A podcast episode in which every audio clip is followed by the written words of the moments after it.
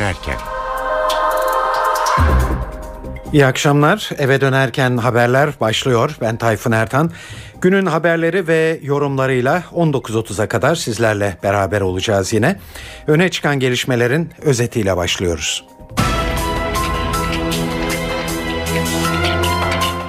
HDP'li 10 milletvekilinin dokunulmazlıklarının kaldırılması ile ilgili fezlekeler Anayasa Adalet Karma Komisyonu'na gelirken Cumhurbaşkanı Abdullah Gül uyarılarda bulundu. Gül 90'lı yıllarda mecliste yaşananları kastederek geçmişte olanların tekrar edilmemesi gerekir diye konuştu. Komisyon Başkanı AKP'li Burhan Kuzu ise Gül'e 90'lardaki gibi olur mu diye düşünemeyiz karşılığında bulundu. Cumhurbaşkanı Abdullah Gül Patriot füzeleriyle ilgili olarak Suriye'den Türkiye'ye bir saldırı ihtimali bulunduğunu sanmadığını ifade etti. Gül bu çılgınlık olur ancak NATO ihtiyati tedbir alıp Patriotları yerleştirecek dedi. Mali Suçları Araştırma Kurumu'nun 12 Eylül darbesini gerçekleştiren isimlerin çok büyük miktarda mal varlığı bulunduğuna ilişkin raporu sanık aileleri tarafından abartılı bulundu. Bugün Filistin için büyük gün Birleşmiş Milletler Genel Kurulu önümüzdeki birkaç saat içinde Filistin'e üye olmayan gözlemci devlet statüsü verilmesi teklifini oylayacak.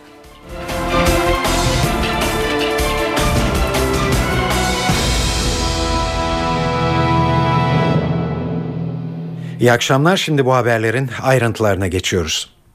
Hakkari'de PKK'lılarla kucaklaşan BDP'li 10 milletvekilinin dokunulmazlıklarının kaldırılması için hazırlanan fezlekelerle ilgili süreçte önemli bir aşamaya gelindi. Fezlekeler bugün meclis başkanlığından ilgili komisyona gönderildi. Anayasa Adalet Karma Komisyonu fezlekeleri oylayıp vekillerin dokunulmazlıklarının kaldırılmasına karar verirse fezlekeler Meclis Genel Kurulu'na gönderilecek ve bir kez de burada oynanacak. Fezlekeler konusu devletin zirvesiyle siyasi figürler arasında görüş ayrılığına neden oldu dersek yanılmış olmayız. Zira bugün bu tezi destekler nitelikte açıklamalar geldi. Dün fezlekeler konusunda görüşü sorulan Cumhurbaşkanı Abdullah Gül, meclis açılışında yaptığı konuşmaya dikkat çekmiş ve meclis kompozisyonunda meydana gelebilecek her türlü noksanlığın çözümleri daha da ötelemekten başka bir işe yaramayacağını ifade ettiğini hatırlatmıştı. Gül bugün yeniden görüş belirtti. Bu kez bir uyarıda bulundu. Cumhurbaşkanı 90'lı yıllarda mecliste yaşananları kastederek mecliste olanların tekrar edilmemesi gerekir. BDP'lilerin şiddet içeren sözleri tasvip edilemez. Tüm milletvekillerine sesleniyorum. Kendimizi çıkmaz sokaklara itmememiz lazım. En aykırı fikir tartışılır ama terör, kan ve şiddeti teşvik edici konuşmaların hiçbiri tasvip edilemez dedi. Cumhurbaşkanının 90'lı yıllarda depli milletvekillerinin meclisten çıkartılıp tutuklanması olayını hatırlatıp bunun tekrar edilmemesi gerektiğini ifade etmesine karma komisyona başkanlık edecek isim olan Burhan Kuzu'dan itiraz geldi. Kuzu biz ilgili kararı verirken 94'teki gibi olur mu olmaz mı diye düşünmeyiz dedi. Ardından gereği yapılacak diyen Başbakan Erdoğan'la sağduyu çağrısı yapan Cumhurbaşkanı Gül'ün konumunun aynı olmadığına da vurgu yaptı. Buran Kuzu'dan gelen o kritik açıklamaların ayrıntılarını NTV muhabiri Ercan Gürses anlatıyor. Burhan Kuzu Karma Komisyonu'nun başkanı ve Karma Komisyon Başkanı sıfatıyla yaptığı değerlendirmeler önemli. Özellikle prosedürel değerlendirmeleri bundan sonra önce hazırlık komisyonuna gelecek, daha sonra Karma Komisyonu'na gelecek. Karma Komisyon aynı bir yasayı kabul eder gibi bunu kabul edecek ya da kabul etmeyecek dönem sonrasına bırakacak. Dokunulmazlıkların kaldırılması konusunu görüşecek. Tabi bununla ilgili basit çoğunluk yetiyor. Daha sonra da Meclis Genel Kurulu'na tabi inisiyatifleri halinde gönderebilirler. Ama Burhan Kuzu'nun özel söylediği önemli şeyler var. Bunlardan birisi fezlekeler fezlekeler ama bir fezleke var 10 milletvekili ile ilgili tek fezleke var ve oradaki suç isnadı da PKK terör örgütüne bilerek ve isteyerek yardım etme iddiası. Tabi bunun yanında komisyon neye göre karar verecek? 800'e aşkın dokunulmazlık dosyası var. Burhan Kuzu diyor ki komisyon suçun ağırlığına göre değil yansımalarına, toplumdaki yansımalarına bakıyor şeklinde bir ifade kullanıyor. Hakim ve savcı edasıyla bakmayacağız, toplumdaki yankıya bakacağız. Yani kim suçlu kim değil buna karar veremeyiz ama toplumdaki yankısına göre buna karar verebiliriz. Tabii Cumhurbaşkanı Abdullah Gül'ün demeci vardı. Cumhurbaşkanı Abdullah Gül geçmişte yaşanan kötü örneklere dikkat çekmişti. Leyla Zana ve bazı DEP milletvekillerinin meclisten götürülüş görüntülerini hatırlatmıştı. Ama Burhan Kuzu şu ifadeyi kullanıyor. 94'teki örnek iyi bir örnek değil ama bugünkü şartlar aynı değil. Biz zaten 94'teki gibi olur mu olmaz mı diye karar vermeyeceğiz. Biz kendi şartlarımıza göre karar vereceğiz. Cumhurbaşkanı ve Başbakanın aynı telden çalması düşünülemez. Biri devletin başı, biri hükümetin başı. Başbakan sorumlu makamdır. Dolayısıyla onun değerlendirmelerini de sorumlu makam olması hasebiyle değerlendirmek gerekir dedi. Bu da önemli bir ayrıntıydı. Cumhurbaşkanı Abdullah Gül'ün benzer konularda Ankara valisine olay çıkmasın değerlendirmesi yapmasını ve Başbakanın tedbir almakla yükümlü olmasını örnek olarak gösterdi. Bu da bir ayrıntı olarak karşımıza çıktı. Önümüzdeki günlerde Anayasa Adalet Karma Komisyonu'nda fezlekeler görüşülecek. Evet başından beri BDP'lilerin dokunulmazlıklarının kaldırılmasını savunan MHP bu görüşünde ısrarlı. Grup Başkan Vekili Oktay Vural bu taleplerini bir kez daha yineledi ve Cumhurbaşkanı Gül'e tepki gösterdi. Öyle düşünmemek lazım. Türkiye'de Türkiye'de kırmızı ışık ihlalleri devam ediyor. Ne yapacağız? Kırmızı ışıkta geçmeyi serbest mi bırakacağız? Bu anlayış hukukun üstünlüğünü sağlayan bir anlayış değildir. Hukuk kuralları koyar, kurallara uymayanları cesaretlendirir. Bu zihniyet teşvik ediyor. Bu zihniyet teşvik ediyor. Milliyetçi Hareket Partisi olarak biz bölücü terör örgütünün üyesi gibi faaliyetlerde bulunanların dokunulmazlığın kaldırılmasını istiyoruz. Bunu da bir hukuk halinde gerçekleştirmesi gerekir. Gazeteciler dokunulmazlıkların kaldırılması konusunu CHP lideri Kemal Kılıçdaroğlu'na da sordu bugün. Kılıçdaroğlu ayrım yapmadan mecliste bekleyen tüm fezlekelerin işleme konulmasını önerdi. Bir, kürsü dokunulmazlığına saygılıyız. Bir milletvekili kürsüye çıkıp düşüncesini söylesin. Ama onun dışında dokunulmazlık olmamalı. Hangi bakın hangi sorun bakın. Yolsuzluk yapan birisinin dokunulmazlığı olmalı mı? Hayır. İhaleye fesat karıştıranın dokunulmazlığı olmalı mı? Hayır. Bizim bir ilke kararımız var. Biz Cumhuriyet Halk Partisi bir ilk ilkemiz var. Diyoruz ki kürsü dokunulmazlığı dışındaki dokunulmazlıkların tamamını kaldıralım. Ve şunu söylüyorum. Türkiye Büyük Millet Meclisi'nde kaç milletvekilinin dokunulmazlık dosyası varsa tamamını indirsinler aşağıya. Tümünün dokunulmazlığını kaldıralım. Bu bu bu millette rahatlasın ya. Ne olacak? Gittin şimdi PKK ile kucaklaştın. Değil mi? Kaldır dokunulmazlığı. İhaleye yolsuzluk. Kaldır dokunulmazlığı. Fesat, kaldır dokunulmazlığı. Niye dokunulmazlık? Yani bir milletvekilinin temel görevi kendi yurttaşlarının hakkını savunmak. Cebini doldurmak, cebini düşünmek, yandaşını düşünmek bir milletvekilinin görevi değil. Adı üstünde milletvekili yani milletin vekili. Milletin vekilinin temiz olması lazım. Milletin vekilinin milleti düşünmesi lazım. Onun için söylüyoruz Cumhuriyet Halk Partisi olarak. Kaç milletvekilinin dokunulmazlığı var? 300. Getirin 300 dosyayı kaldıralım. Mesele de bitsin. Türkiye gerçekten demokratik bir ülke olsun. Benim dokunulmazlığımı kaldırma, onun dokunulmazlığını kaldır. Bu çifte standart doğru değil. İlke olmalıyız. Yani ilke adam olmalıyız. İlkelerimiz olmalı. Getirirsiniz bütün dokunulmazlıkları kaldırırız. Millet de rahatlamış olur. Oh der ya şu meclis en azından temiz adamların gelip çalışacağı bir meclis olacaktır.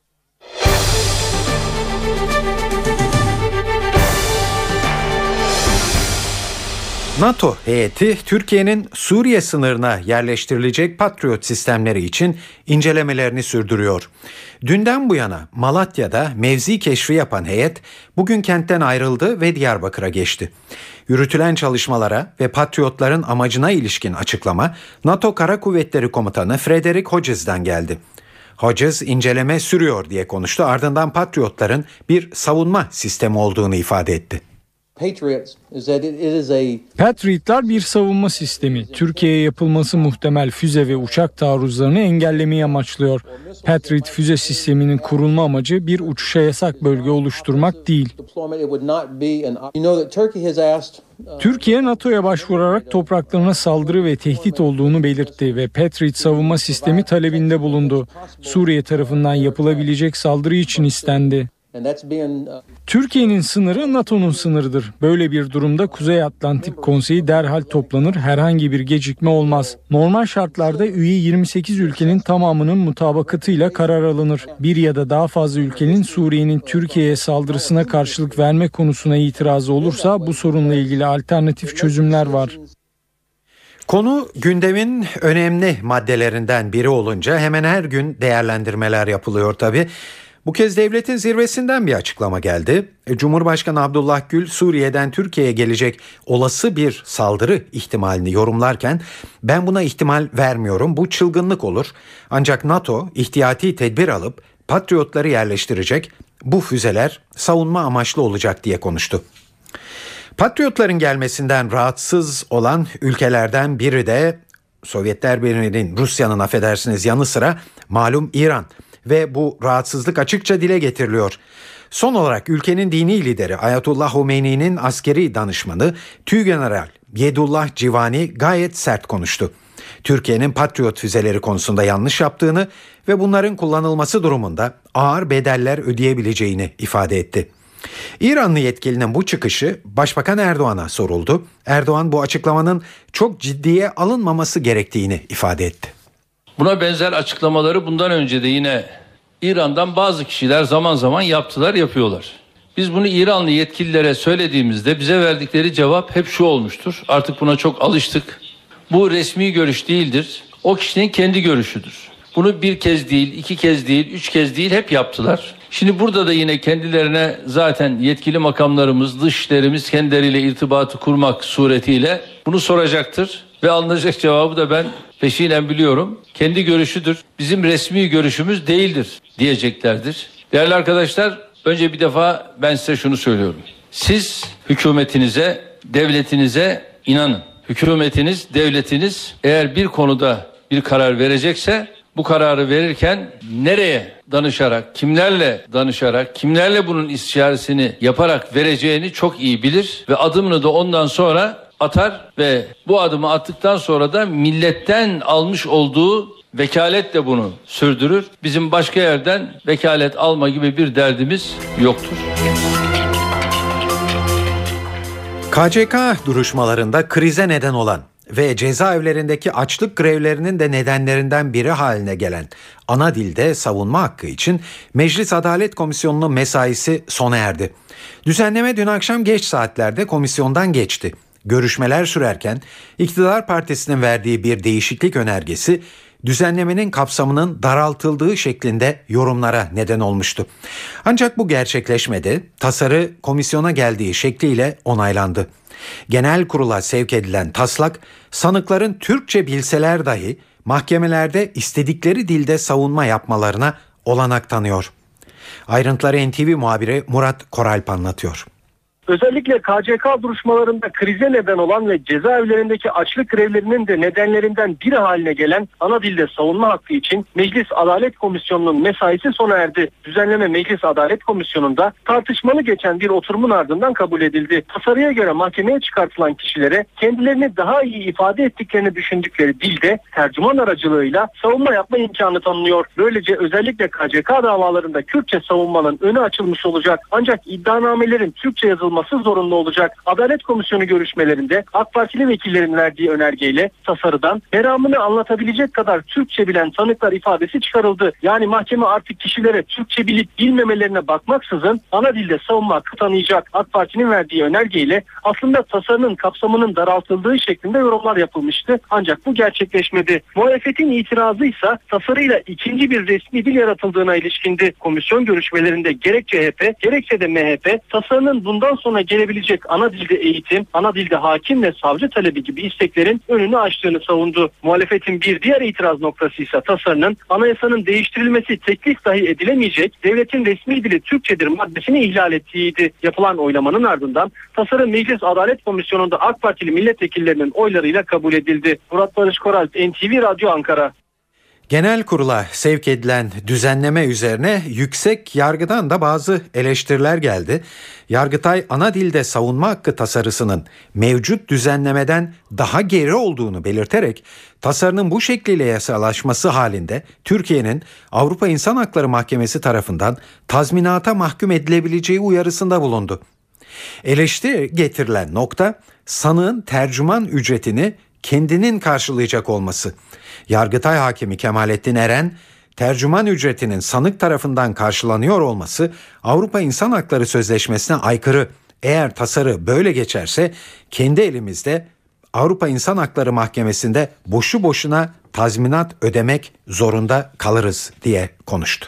NTV Radyo'da eve dönerken haberlere İstanbul'daki yol durumuyla devam edeceğiz şimdi. Büyükşehir Belediyesi Trafik Kontrol Merkezi'nden Murat Kazan Asması dinliyoruz. Trafik yoğunluğu Anadolu yakasında Boğaziçi Köprüsü'nde henüz etkisini şu an için hissettirmiyor. Fakat Altunizade yaklaşım bölümü ve sonrasında köprüye doğru yaklaştıkça yoğunluk etkili olurken ters yönde köprü çıkış noktasında da yoğun trafik şimdilik etkisini artırmış durumda. Fatih Sultan Mehmet Köprüsü'nde Ümraniye yönünden köprüye doğru hareketli bir trafik var ama ters yönde yoğun trafik başladı. Şu saat itibariyle Fatih Sultan Mehmet Köprüsü'nde Kavacık girişi ve köprü üzerinde yoğunluk etkili olduğu kadar köprü çıkış noktasıyla Kavacık istikameti ve aynı şekilde Ümraniye yönünde de yoğunluk etkili olmaya devam ediyor. Avrupa Anadolu geçişinde Boğaziçi Köprüsü'nün girişindeki yoğunluk Mecidiyeköy trafiğinin öncesine başlayarak köprüye kadar uzamakta. Yıldız katılımındaki yoğunluksa devam ediyor. Fatih Sultan Mehmet Köprüsü'nde hem Maslak katılımında hem de Seyrantepe ve Kemerburgaz bağlantı noktasında yoğunluk etkili olurken Avrupa yakasında şu anda Cevizli Bağ'da Melter yönünde trafik yoğunluğu yeni etkili olmaya başladı. Ters yöndeki hareketlilik devam etmekte. Aynı güzergahta Haliç Köprüsü'nde Topkapı istikametinde yoğun trafik aralıklı olarak devam etmekte. Ters yönde Ok Meydan istikametinde kısmen açık bir trafik var. Metris'te Mahmut Bey bağlantı noktasında yoğun trafik aralıklı olarak etkili olmaya başladı. Bu noktada Metris Mahmut Bey yönünde yoğun trafik artmış vaziyette. Evet şimdi günün diğer gelişmeleriyle devam ediyoruz. Siyasette yeni bir polemik başladı. Bunun adı ilk orta ve liselerde kıyafet serbestisi. Başbakan Yardımcısı Bekir Bozdağ, Milli Eğitim Bakanlığı'nın yeni kıyafet yönetmeliğinin tek tipçi anlayışa son verdiğini ve öğrencileri özgürleştirdiğini söyledi. Kıyafet konusunda atılan adım esasında tek tipçi bir yaklaşıma son veren, e, velileri ve öğrencilerin elini rahatlatan, onları özgürleştiren bir adımdır. Siyasette herkes aynı görüşte değil. Cumhuriyet Halk Partisi Genel Başkanı Kemal Kılıçdaroğlu gelecek yıldan itibaren kıyafetin serbest bırakılacağını içeren düzenlemeyi Cumhuriyet'in kazanımlarını kaybetmeye başladık sözleriyle eleştirdi. CHP lideri uygulamanın sosyal sonuçları olacağına da dikkat çekti. İlk öğretimde önlüğü kaldırıyoruz. Şimdi bakın tek tip getirilmesinin nedeni bütün çocukların kendisini eşit hissetmeleridir. Kim fakir, kim zengin belli olmaz. Hatta çocuklar beslenme çantalarına bile öğretmen müdahale eder. Aynı şeyleri getirin. Varlıklı ailenin çocuğu beslenme çantasına çok fazla şeyler koyarak getirmesin. Çünkü yandaki çocuğun morali bozulabilir. Şimdi bunu kaldırıyoruz. Ne olacak? Çocuk görecek her hafta veya her gün yeni bir markayla bir çocuğun geldiğini düşün. Bir de öbür aileyi düşünün. Nasıl olacak? O yaştaki çocuğun psikolojisindeki bozulmanın sorumlusu kim olacak? Yazık günah değil mi bu çocuklar? Çocuk üzerinden siyaset yapılır? Bunlar doğru değil. Bunlara kesinlikle karşı çıkmamız lazım.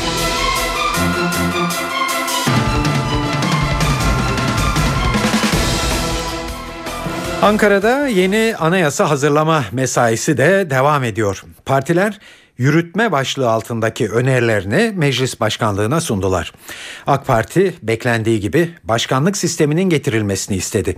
CHP ve MHP ise parlamenter sistemin devamını istiyorlar. Partilerin uzlaşma komisyonuna sunduğu taslağa ilişkin ayrıntıları NTV muhabiri Ercan Gürses anlatıyor.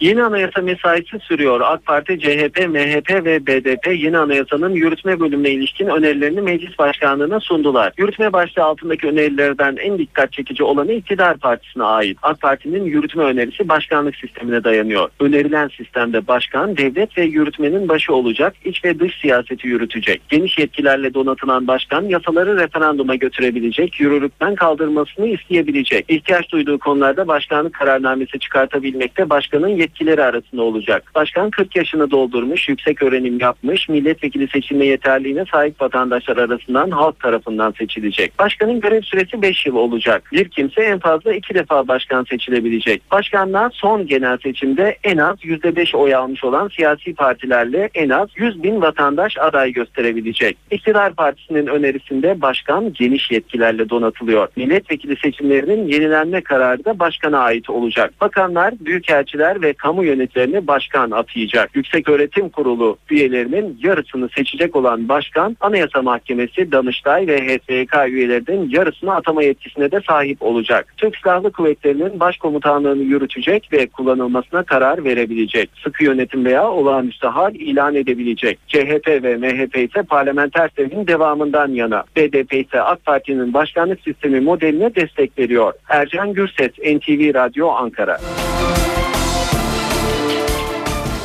Darbe Komisyonu raporunu meclis başkanlığına teslim etti. Ancak rapor MHP'yi tatmin etmiş görünmüyor.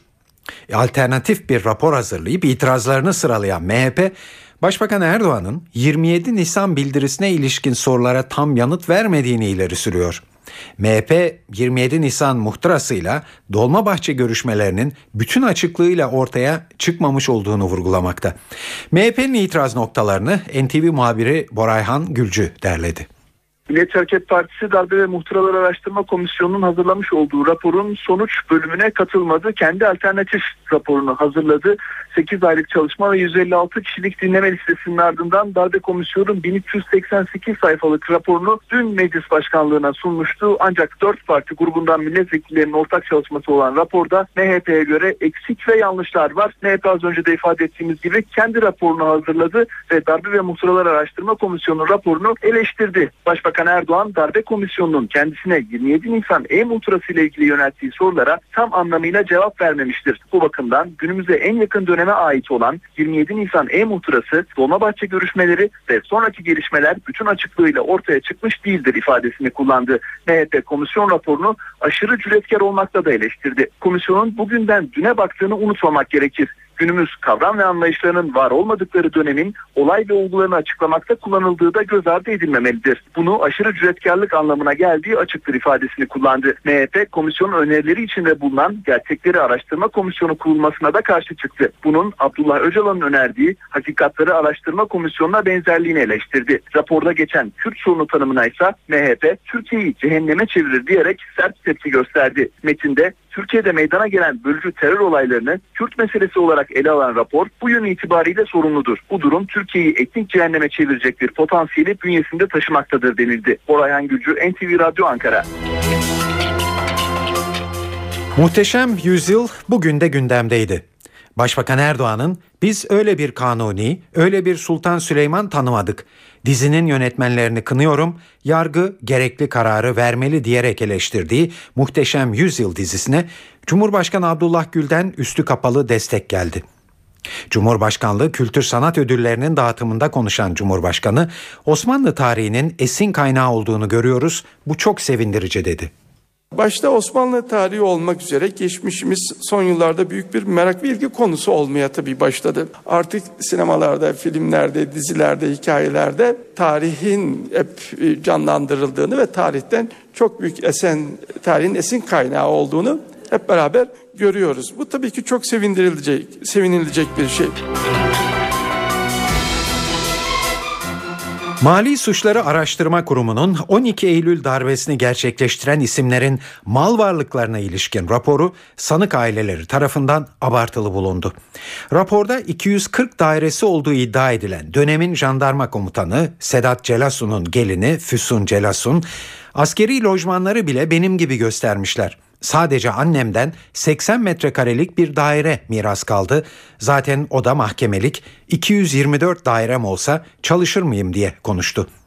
Dönemin Kara Kuvvetleri Komutanı Nurettin Ersin'in kızı Yıldız Ülgenalp de Bodrum'da üzerine kayıtlı görülen tek dairenin 169 yazlığı var şeklinde yansıtıldığını söyledi.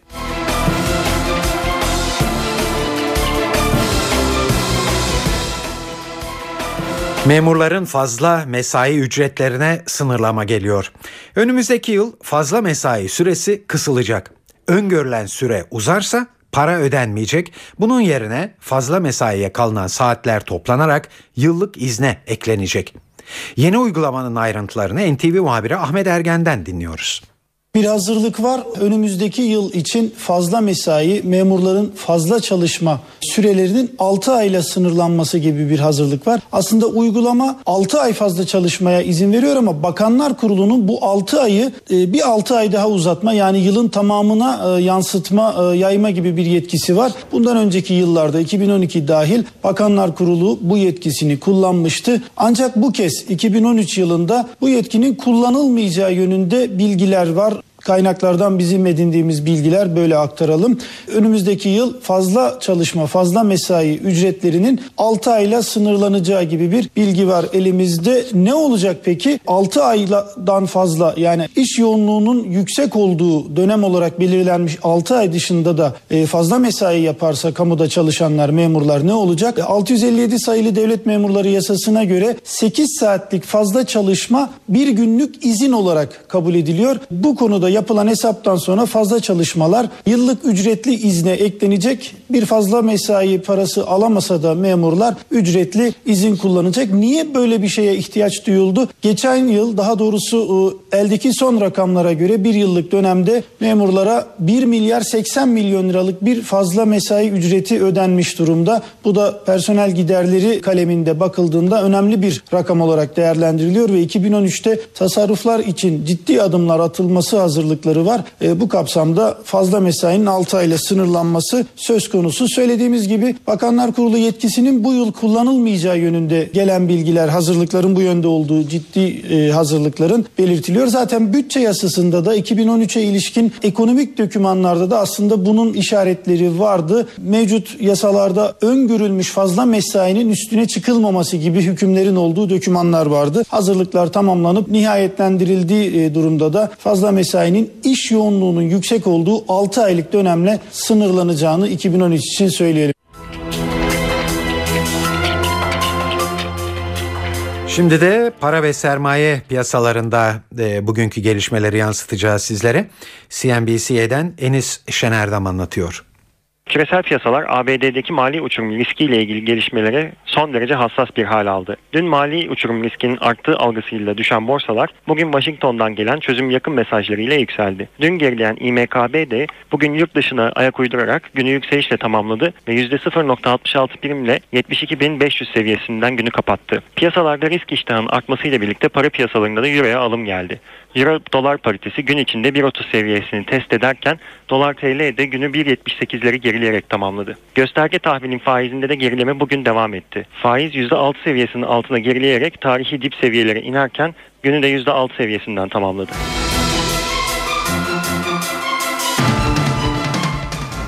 Okul tuvaletinde üzerine lavabo düşmesi sonucu hayatını kaybeden Efe Boz'la ilgili dava sonuçlandı. Mahkeme İstanbul Valiliği ve Milli Eğitim Bakanlığı'nı suçlu buldu ve aileye 275 bin lira tazminat ödenmesine hükmetti.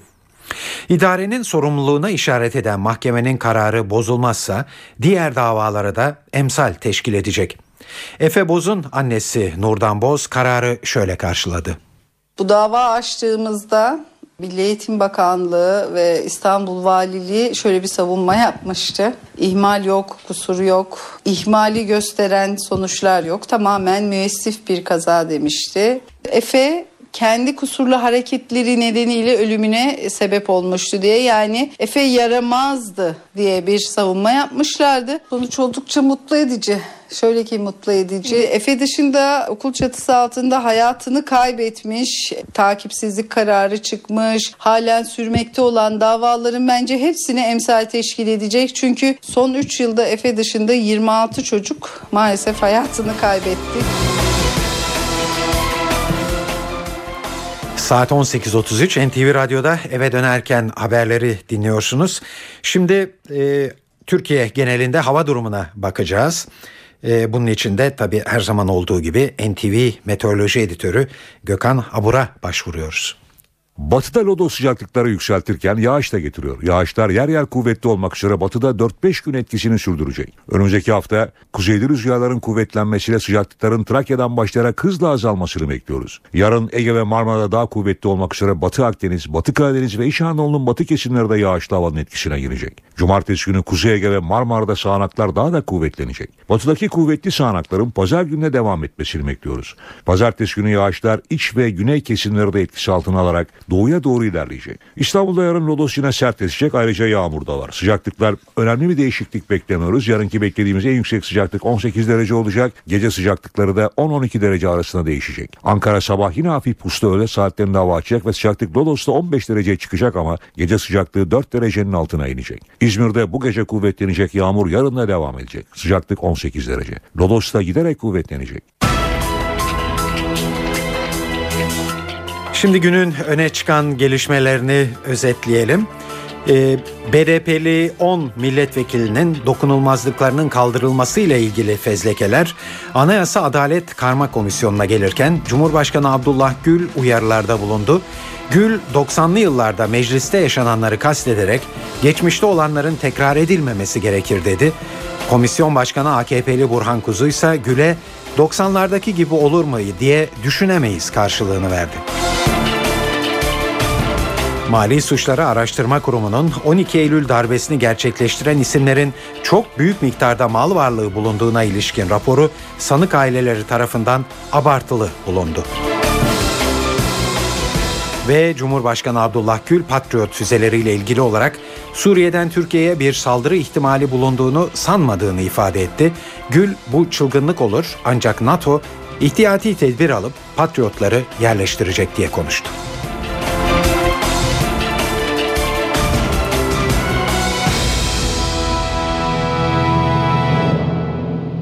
Evet şu ana kadar Türkiye'de en çok konuşulan haberleri sunduk sizlere. Şimdi dünyada en çok konuşulan, en çok izlenen haberlerle devam ediyoruz. Ve bugün bu sıranın başında Filistin geliyor. Evet bugün Filistin için gerçekten de büyük bir gün. Birleşmiş Milletler Genel Kurulu önümüzdeki birkaç saat içinde Filistin'e üye olmayan gözlemci devlet statüsü verilmesi teklifini oylayacak.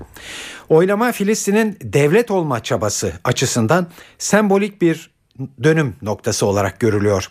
Ankara'da genel kuruldaki Filistin oylamasını yakından takip ediyor. Dışişleri Bakanı Ahmet Davutoğlu Filistin'e destek amacıyla New York'ta. Ayrıntıları NTV muhabiri Selim Atalay anlatıyor. Üye olmayan devlet yani ne demek? Birleşmiş Milletler Genel Kurulu'nda oturacak ama kapıda bayrağı dalgalanmayacak veya genel kurulda veya işte diğer genel merkezdeki oylamalarda oy kullanmayacak. Neye benziyor? Vatikan'ın statüsüne benziyor. Vatikan'da devlet olarak e, tanınmakta. Birleşmiş Milletler'de var ama 193 BM üyesi asıl üye içinde Vatikan'ın bayrağı yok. Filistin devletinin de benzer bir statüsü olacak. Daha üst bir üyelik için geçen yıl girişim olmuştu ama engellenmişti. Bu kez işte bu üye olmayan devlet statüsüyle üyelik gerçekleşecek gibi duruyor. 193 üye genel kurulda var. Onların işte salt çoğunluğu yetiyor ama şu noktada 130 kadar e, üyenin olumlu oy kullanması ve kararın geçmesi beklenmekte. Dışişleri Bakanı Ahmet Davutoğlu New York'ta bu oylama için ve e, Filistin'e desteği teyit etti ve Davutoğlu Filistin'in bayrağının da dikileceği tam üyelik e, için Türkiye desteğine devam edecektir dedi. Bundan sonra bunun e, Filistin'e faydası ne olur dersek çeşitli Birleşmiş Milletler organlarına üye olabilecekler. Mesela bunlardan bir tanesi Uluslararası Ceza Mahkemesi. Uluslararası Ceza Mahkemesi'ne üye olunca veya orada taraf olunca o zaman İsrail aleyhine savaş suçu, insanlık suçu ve sair konularda dava açma yolu açılacak ama o da ayrı diplomatik mücadele gerektiriyor. Suriye'de Esad yönetimine karşı devam eden ayaklanmada 20 ayda bir sonuç çıkmayınca batılı ülkeler yeni taktik arayışına girdiler. İlk akla gelen de muhaliflere doğrudan silah yardımı yapmak. İngiltere ve Fransa'nın açık desteğini aldı. Belçika ve Almanya'nın muhalefetini aştı bu görüş. İngiliz hükümet sözcüsü bunun Esad rejimine bütün seçeneklerin masada olduğunu gösteren güçlü bir mesaj olacağını belirtti. Amerika Birleşik Devletleri de yeni bir Suriye politikası arayışında. Muhaliflere doğrudan silah yardımı Washington'da tartışılan bir konu. Ancak ikinci defa başkanlık koltuğuna oturan Barack Obama'nın yeni ekibini şekillendirdikten sonra karar alacağı belirtilmekte. Muhaliflere verilecek silahların akıbeti ise en büyük endişe konusu. Batılı ülkeler silahların muhaliflerin safında savaşan radikal İslamcı grupların eline geçmesinden kaygı duyuyor.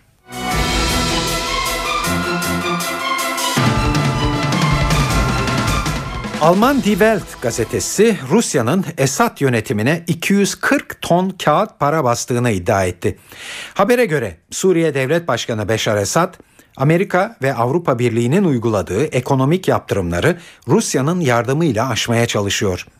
Kamu görevlilerine maaşlarını ödemekte sıkıntıya düşen Esad rejimine Moskova'nın para basarak gönderdiği iddia edildi.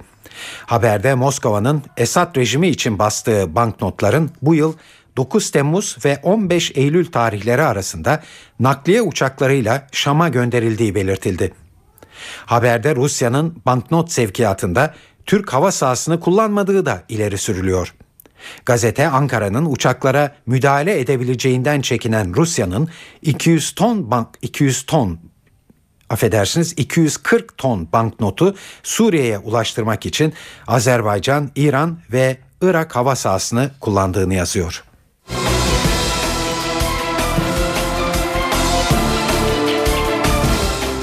Irak hükümeti ile bölgesel Kürt yönetimi arasında hafta başından bu yana süren müzakereler sonunda 14 maddelik bir anlaşma metni hazırlandı ve Başbakan Nuri El Maliki'ye sunuldu. Metinde Bağdat yönetiminin tartışmalı eyaletlerde Dicle Operasyon Gücü adı altında oluşturduğu askeri yapılanmanın feshedilmesine ilişkin madde de var. Kürt yönetimi adına askeri toplantılara katılan bir subay, Bizler Maliki'nin bu maddeyi kabul edip etmeyeceğinden emin değiliz. Ancak bu madde gerginliğin azaltılmasında çok önemli bir adım olacağını söyleyebilirim ifadelerini kullandı.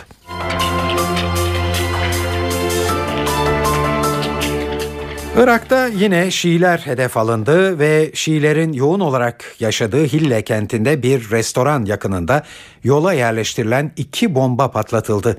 Saldırıda 31 kişi hayatını kaybetti.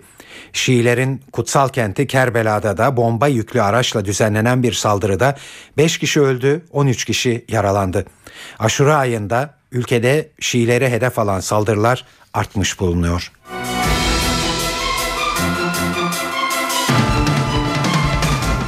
1999 yılındaki Kosova Savaşı sırasında Sırplara işkence yapmakla suçlanan Kosova'nın eski başbakanı Ramush Haradinaj, Lahey'deki Uluslararası Ceza Mahkemesi tarafından suçsuz bulundu. Karar Kosova'da sevinçle karşılandı. Ayrıntıları NTV muhabiri Burbuçe Ruşiti'den öğreniyoruz. Kosova'nın eski başbakanı Kosova Kurtuluş Ordusu'nun eski komutanı Ramush Haradina ile UÇK'nın iki mensubu Lahey Mahkemesi tarafından suçsuz bulundu ve serbest bırakıldı. Haradina 2005 yılında Lahey Mahkemesi tarafından savaş suçu işlemekten suçlanmıştı. Başbakan görevindeyken görevinden hemen istifa etmiş ve Lahey'e teslim olmuştu. 3 yıllık bir süreçten sonra 2008 yılında Lahey Mahkemesi tarafından suçsuz bulunarak serbest bırakılmıştı. 2010 yılında ise Lahey Mahkemesi'nin kararıyla Haradinay tekrar gözaltına alınmıştı. Lahey Mahkemesi cinayet, tecavüz ve işkence suçlarından aklanan Haradinay ve eski e, Kosova Kurtuluş Ordusu'nun komutanlarının yargıladığı asıl davanın Gürgü tanıklarına güzdağ verilmesi nedeniyle yeniden yargılanmaya başlamıştı. İlk önce Kosova'nın ana muhalefet partisi AK lideri Haradinay 1998 yılında Kosova'da savaş sırasında Sırplara ve destekçilerine işkence yapmakla suçlamıştı. 2008'de de eski başbakanla birlikte yargı yargılanan UÇK komutanı İdris Balay da mahkemeden aklanmış. Diğer sanık ise 6 yıl hapis cezasına çarptırılmıştı. Bugün ise kısmi yeniden yargılanmanın ardından 300 serbest bırakıldı. 44 yaşındaki Ramush Haradinay Kosovalı Arnavutlar arasında oldukça popüler bir isim. Bugünkü mahkemenin kararı Kosovalılarda büyük sevinç yarattı. Havai fişekler atıldı. Başkent Priştine'de halk duruşmayı dev ekrandan seyretti. Priştine'de Kosova'nın batısındaki Deçan kentinde ve doğduğu köy Glocan'da toplanan halk birbirlerine sarılarak Haradina'nın ve iki eski UÇK'larının serbest bırakılmasını kutluyor. Halay çekiyorlar. Kosovalıların ilk açıklamaları bizim savaşımız doğruydu. Bugün Haradina'nın ülkesine dönmesi bekleniyor.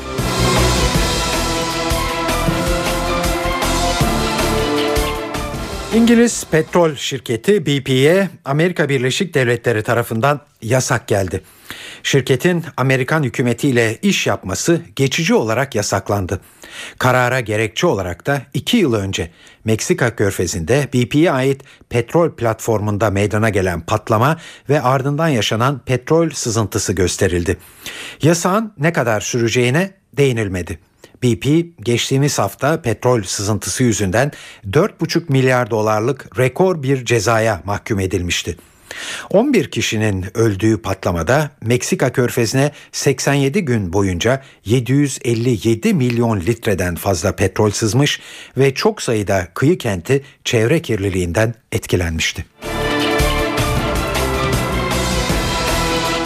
İspanya'daki ekonomik kriz üniversiteleri de vurdu. Ülkenin en büyük yüksek eğitim kurumu Madrid Üniversitesi'nde 250 öğretim görevlisi işten çıkartıldı. Üniversitenin akademik kadrosu tepkisini göstermek için sıra dışı bir eyleme imza attı. 120'den fazla profesör başkent Madrid sokaklarında ders verdi. İşlenen konu İtalyan edebiyatıydı. Dersi çok sayıda öğrenci dinledi ve akademisyenler amaçlarını şöyle ifade etti. El motivo de esta jornada de Complutenses en la calle Amacımız üniversitelerin içinde bulunduğu ağır ekonomik şartları ve yapılan kesintileri protesto etmek. Aynı zamanda öğretim görevlilerini de halkla yakınlaştırmak istiyoruz. y económicos. İspanyol hükümeti tasarruf tedbirleri çerçevesinde Madrid Üniversitesi'nin bütçesinde 47 milyon euroluk kesintiye gitmiş ve öğrenci harçlarına da zam yapmıştı.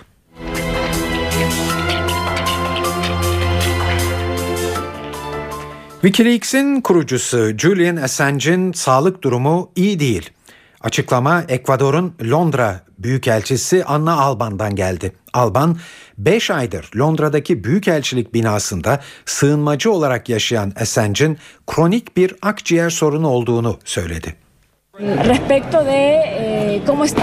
50 metrekarelik bir alanda yaşayan, düzenli olarak gün ışığı ve temiz hava alamayan bir insan ne kadar iyi olabilir ki? Biz ona en iyi şekilde bakmaya çalışıyoruz. Şu an bir hastalığı yok ancak başka sorunları tetikleyebilecek kronik bir akciğer problemi var. Kış aylarında durumunun kötüleşmesinden endişe ediyoruz. Bu yüzden düzenli doktor kontrolünden geçiyor. Hakkındaki cinsel taciz suçlaması nedeniyle İngiltere'den İsveç'e iade edilmesine karar verilen 41 yaşındaki Assange, Haziran ayında Londra'daki Ekvador Büyükelçiliğine sığınmıştı. Ekvador, Assange'e sığınma hakkı tanımış ancak İngiltere Büyükelçilik binasından çıkması durumunda İsveç'e iade yükümlülüğünü yerine getireceğini belirtmişti.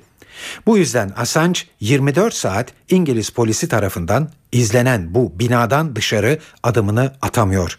Büyükelçilik yetkilileri tedaviye ihtiyaç duyulması halinde Assange'in hastaneye gitmesine izin verilmesini istiyor.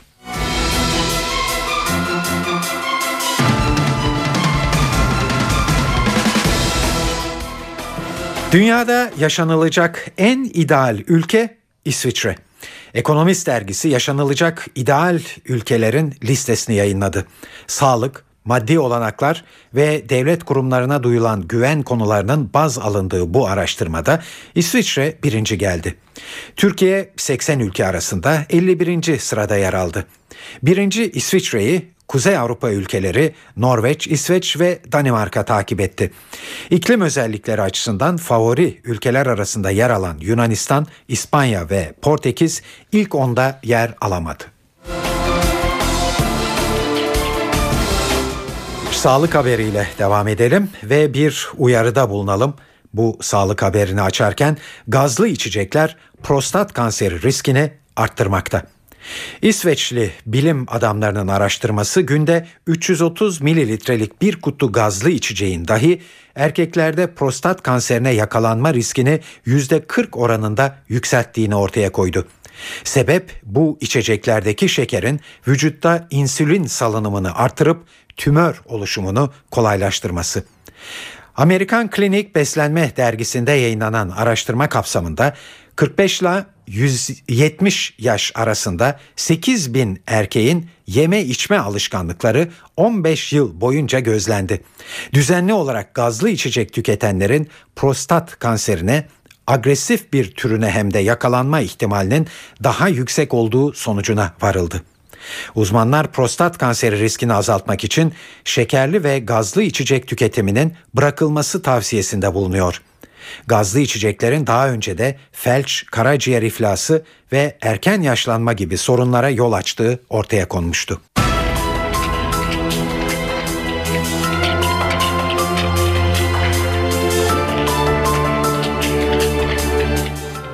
BDP'li 10 milletvekilinin dokunulmazlıklarının kaldırılması ile ilgili fezlekeler Anayasa Adalet Karma Komisyonu'na gelirken Cumhurbaşkanı Abdullah Gül uyarılarda bulundu.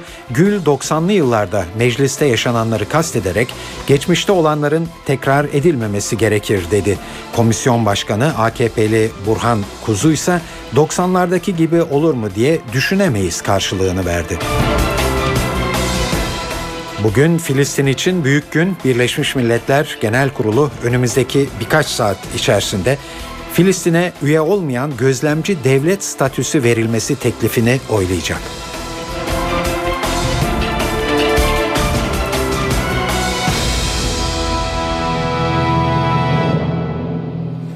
Hakkari'de PKK'lılarla kucaklaşan BDP'li 10 milletvekilinin dokunulmazlıklarının kaldırılması için hazırlanan fezlekelerle ilgili süreçte önemli bir aşamaya gelindi. Fezlekeler bugün meclis başkanlığından ilgili komisyona gönderildi.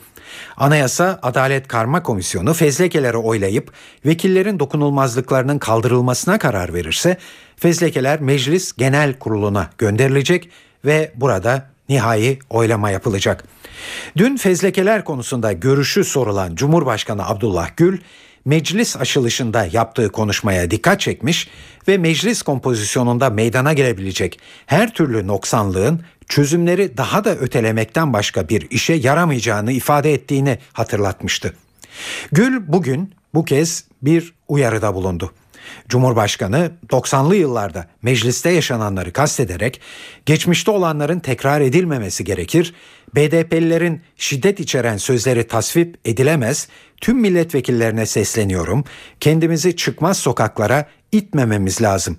En aykırı fikir tartışılır ama terör, kan ve şiddeti teşvik edici konuşmaların hiçbiri tasvip edilemez dedi. Gül'ün bu sözlerine komisyona başkanlık edecek AKP'li Burhan Kuzu'dan itiraz geldi. Kuzu, biz ilgili kararı verirken 94'teki gibi olur mu olmaz mı diye düşünmeyiz dedi. Ardından gereği yapılacak diye diyen Başbakan Erdoğan'la sağduyu çağrısı yapan Cumhurbaşkanı Gül'ün konumlarının aynı olmadığına vurgu yaptı. Buran Kuzu'dan gelen o kritik açıklamaların ayrıntılarını NTV muhabiri Ercan Gürses derledi.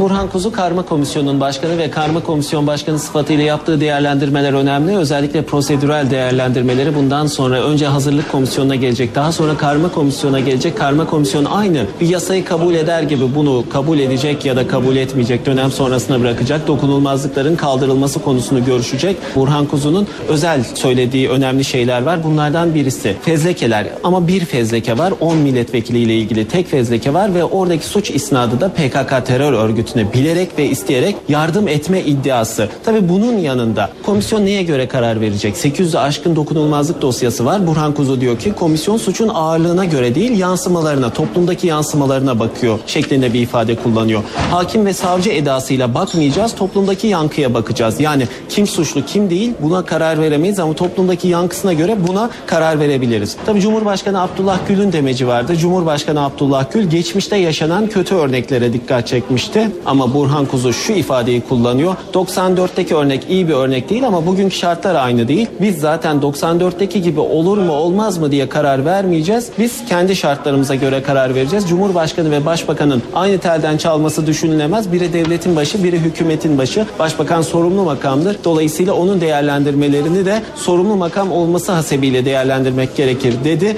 Bu da önemli bir ayrıntıydı. Cumhurbaşkanı Abdullah Gül'ün benzer konularda Ankara valisine başına olay çıkmasın değerlendirmesi yapmasını ve başbakanın tedbir almakla yükümlü olmasını örnek olarak gösterdi. Bu da bir ayrıntı olarak karşımıza çıktı. Önümüzdeki günlerde Anayasa Adalet Karma Komisyonu'nda fezlekeler görüşülecek. Başından beri BDP'lilerin dokunulmazlıklarının kaldırılmasını savunan MHP bu görüşünde bugün de ısrarlı oldu.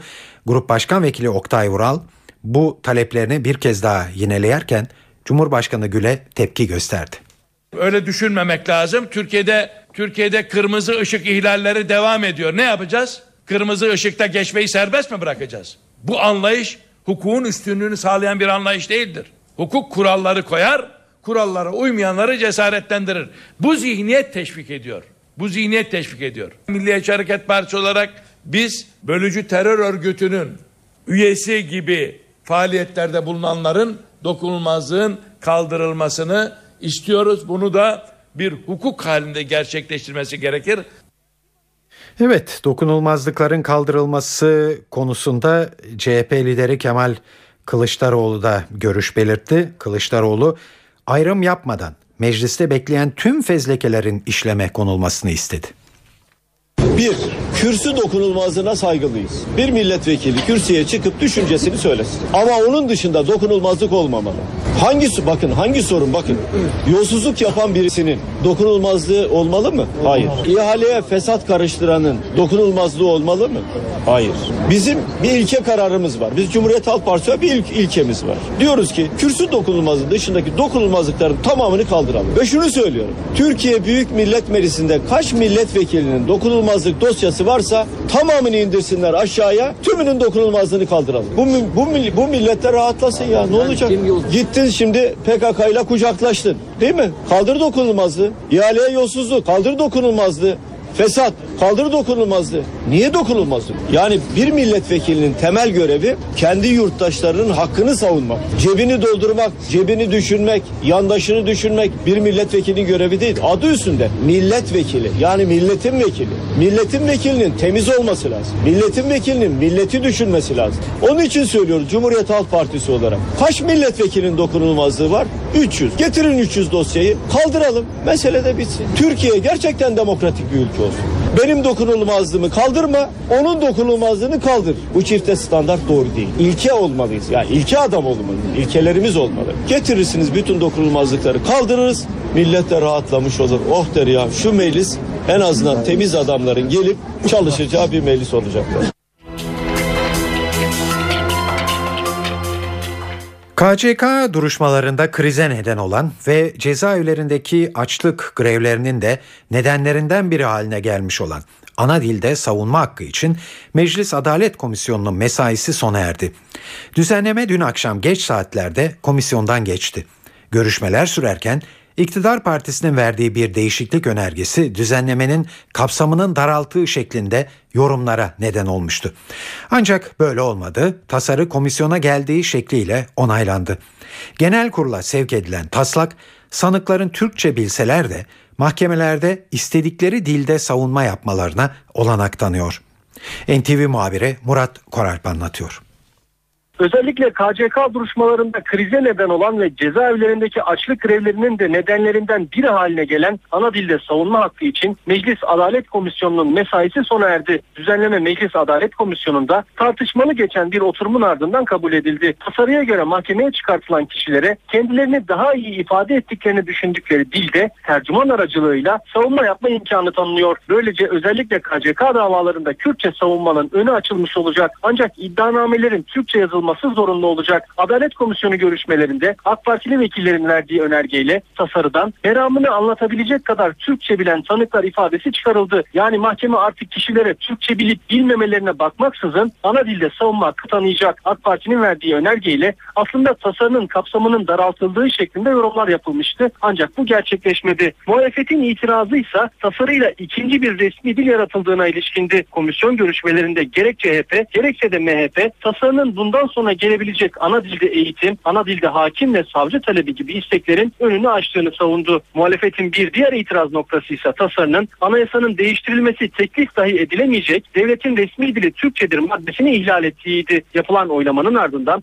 tasarı Meclis Adalet Komisyonu'nda AK Partili milletvekillerinin oylarıyla kabul edildi. Murat Barış Koral, NTV Radyo Ankara. Evet genel kurula sevk edilen düzenleme hakkında yüksek yargının bazı eleştirileri oldu. Yargıtay ana dilde savunma hakkı tasarısının mevcut düzenlemeden daha geri olduğunu belirterek tasarının bu şekliyle yasalaşması halinde Türkiye'nin Avrupa İnsan Hakları Mahkemesi tarafından tazminata mahkum edilebileceği uyarısında bulundu. Eleştiri getirilen nokta sanığın tercüman ücretini kendisinin karşılayacak olması. Yargıtay Hakimi Kemalettin Eren, tercüman ücretinin sanık tarafından karşılanıyor olması Avrupa İnsan Hakları Sözleşmesi'ne aykırı. Eğer tasarı böyle geçerse kendi elimizle Avrupa İnsan Hakları Mahkemesi'nde boşu boşuna tazminat ödemek zorunda kalırız dedi. Mecliste yeni anayasa hazırlama mesaisi sürüyor. Partiler yürütme başlığı altındaki önerilerini meclis başkanlığına sundular. AK Parti beklendiği gibi başkanlık sisteminin getirilmesini istedi. CHP ve MHP ise parlamenter sistemin devamını istediler. Partilerin uzlaşma komisyonuna sunduğu taslağa ilişkin ayrıntıları NTV muhabiri Ercan Gürses derledi.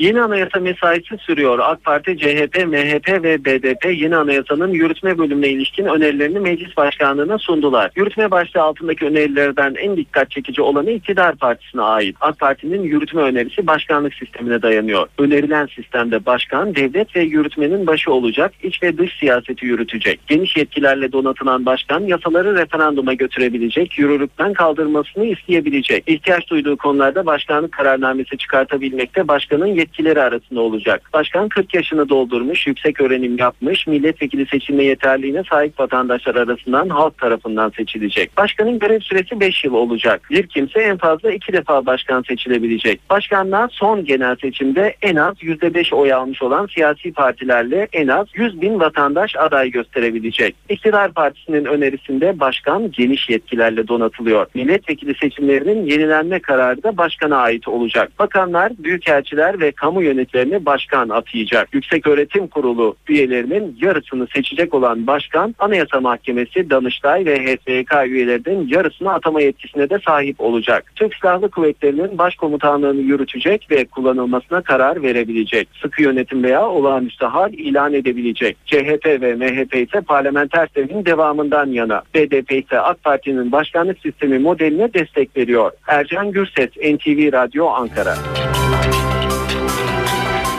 Muhteşem Yüzyıl dizisi bugün yine gündemdeydi. Başbakan Erdoğan'ın biz öyle bir kanuni, öyle bir Sultan Süleyman tanımadık. Dizinin yönetmenlerini kınıyorum. Yargı gerekli kararı vermeli diyerek eleştirdiği Muhteşem Yüzyıl dizisine Cumhurbaşkanı Abdullah Gül'den üstü kapalı bir destek geldi. Cumhurbaşkanlığı Kültür Sanat Ödülleri'nin dağıtımında konuşan Cumhurbaşkanı Gül, Osmanlı tarihinin esin kaynağı olduğunu görüyoruz. Bu çok sevindirici dedi. Başta Osmanlı tarihi olmak üzere geçmişimiz son yıllarda büyük bir merak ve ilgi konusu olmaya tabii başladı. Artık sinemalarda, filmlerde, dizilerde, hikayelerde tarihin hep e, canlandırıldığını ve tarihten çok büyük esen, tarihin esin kaynağı olduğunu hep beraber görüyoruz. Bu tabii ki çok sevindirilecek, sevinilecek bir şey.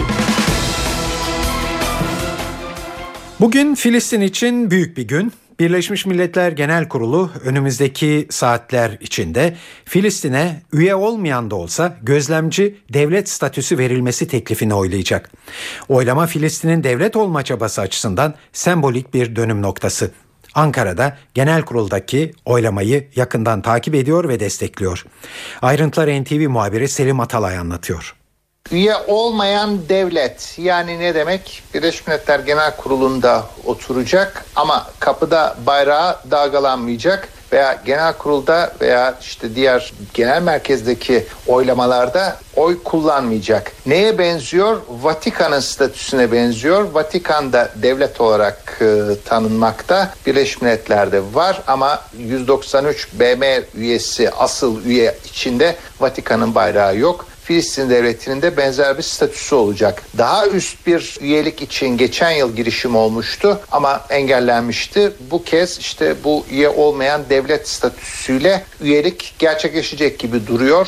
193 üye genel kurulda var. Onların işte salt çoğunluğu yetiyor ama şu noktada 130 kadar üyenin olumlu oy kullanması ve kararın geçmesi beklenmekte. Dışişleri Bakanı Ahmet Davutoğlu New York'ta bu oylama için ve e, Filistin'e desteği teyit etti ve Davutoğlu Filistin'in bayrağının da dikileceği tam üyelik e, için Türkiye desteğine devam edecektir dedi. Bundan sonra bunun e, Filistin'e faydası ne olur dersek e, çeşitli Birleşmiş Milletler organlarına üye olabilecekler. Mesela bunlardan bir tanesi Uluslararası Ceza Mahkemesi. Uluslararası Ceza Mahkemesi'ne üye olunca veya orada taraf olunca o zaman İsrail aleyhine savaş suçu, insanlık suçu ve sair konularda dava açma yolu açılacak ama o da ayrı diplomatik mücadele gerektiriyor. Türkiye'nin FIFA kokartlı hakemlerinden Cüneyt Çakır'a büyük görev düştü. FIFA Şampiyonlar Ligi'nde birbirinden zorlu maçları başarıyla yöneten Cüneyt Çakır'a Dünya Kulüpler Kupası'nda görev verildi. Çakır 6-16 Aralık tarihleri arasında Japonya'da düzenlenecek turnuvada hakemler düzeyinde Avrupa kıtasını temsil edecek. FIFA Kulüpler Dünya Kupası'nda UEFA'yı Şampiyonlar Ligi şampiyonu Chelsea, Kuzey Amerika'yı Monterrey, Güney Amerika'yı Corinthians ve Okyanusya'yı da Auckland City takımları temsil ediyor. Gelelim kültür ve sanat dünyasından haberlere. Size bu akşam çeşitli etkinliklerden bir derleme sunuyoruz.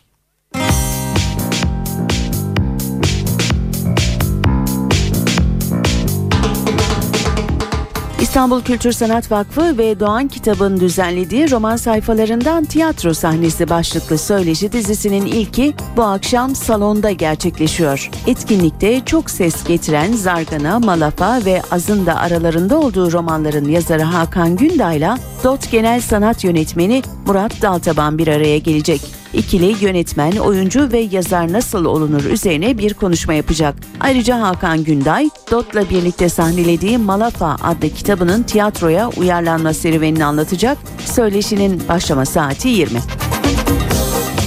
1997 yılında İlhan Erşahin ve onun New York'taki kulübü Nublu'da birlikte çaldığı müzisyenlerden oluşan Vox Poetic, Garanti Caz Yeşili konserleri kapsamında bugün Babilon'a konuk oluyor. Acid Jazz, Groove, Trip Hop ve Drum and Bass gibi modern ritimleri elektronik bir altyapıda bir araya getiren grup, bu konserde bilinen Nublu tarzını klasik Amerikana ruhuyla beraber sunuyor. Bu konserde saat 20.30'da.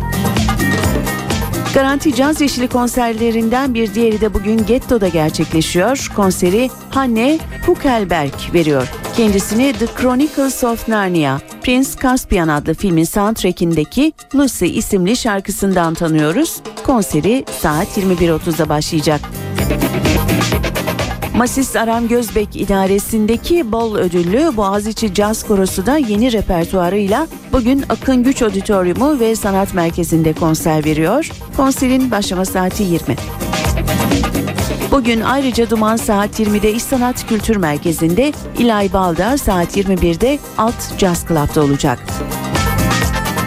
Salt'ta ise bugün uzun perşembe etkinliği var. Salt Galata ve Salt Beyoğlu her ayın son perşembe akşamı saat 22'ye kadar açık oluyor. Etkinlik kapsamında saat 7'de ve 8'de başlayacak olan rehberli sergi turlarına katılabilirsiniz. Turların ücretsiz olduğunu belirtelim. Ayrıca Salt Galata'daki kafe ve restoranda her iki binadaki kitapçılarda katılımcılara özel indirimler sunuluyor. Ayrıntılı bilgiye saltonline.org adresinden ulaşabilirsiniz.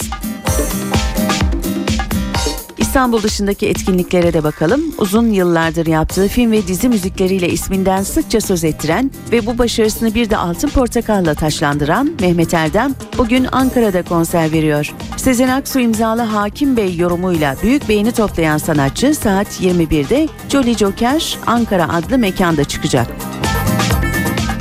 Leman Sam da bugün başkentin konuklarından Nefes Bar'da konseri, başlama saati ise 21. Bulutsuzluk özlemi de bugün İzmir'de Necati Yavaşoğulları, Sina Koloğlu, Sunay Özgür, Deniz Demiröz ve Gencay Kıymaz'dan oluşan grup saat 21'de İzmir Bios Bar'da çıkacak. Akşam evde olacaksanız CNBC'de Rachel Getting Married adlı filmi izleyebilirsiniz. Anne Hathaway'in kariyerindeki en iyi performansı sunduğu film, iç acıtan, sarsıcı ve etkileyici bir aile dramı. Film saat 22'de başlayacak. Öncesinde ise saat 19'da Hawaii Meteor Mother, 20'de The Simpsons ve 21'de Rizzoli and Ice adlı diziler ekrana gelecek. Uykunuz kaçarsa E2'de bugün saat 23'te Hit and Miss var. Yılın dikkat çeken yerli yapımlarından Kurtuluş Son Durak adlı filmde televizyonda ilk kez bugün Star TV ekranına geliyor. Şiddetin her türlüsüne karşı olan, sıradan hayatlar yaşıyor gibi görünen, sıra dışı kadınların öyküsünü konu alan film saat 20'de başlayacak. Ardından 22.15'te Ağır Roman Yeni Dünya adlı dizi yeni bölümüyle ekranda olacak. Eve dönerken haberler burada sona eriyor. Bu akşam yayınımızın editörlüğünü Sevan Kazancı, stüdyo teknisyenliğini İsmet Tokdemir yaptı. Ben Tayfun Ertan. Hepinize iyi akşamlar diliyoruz. Hoşçakalın.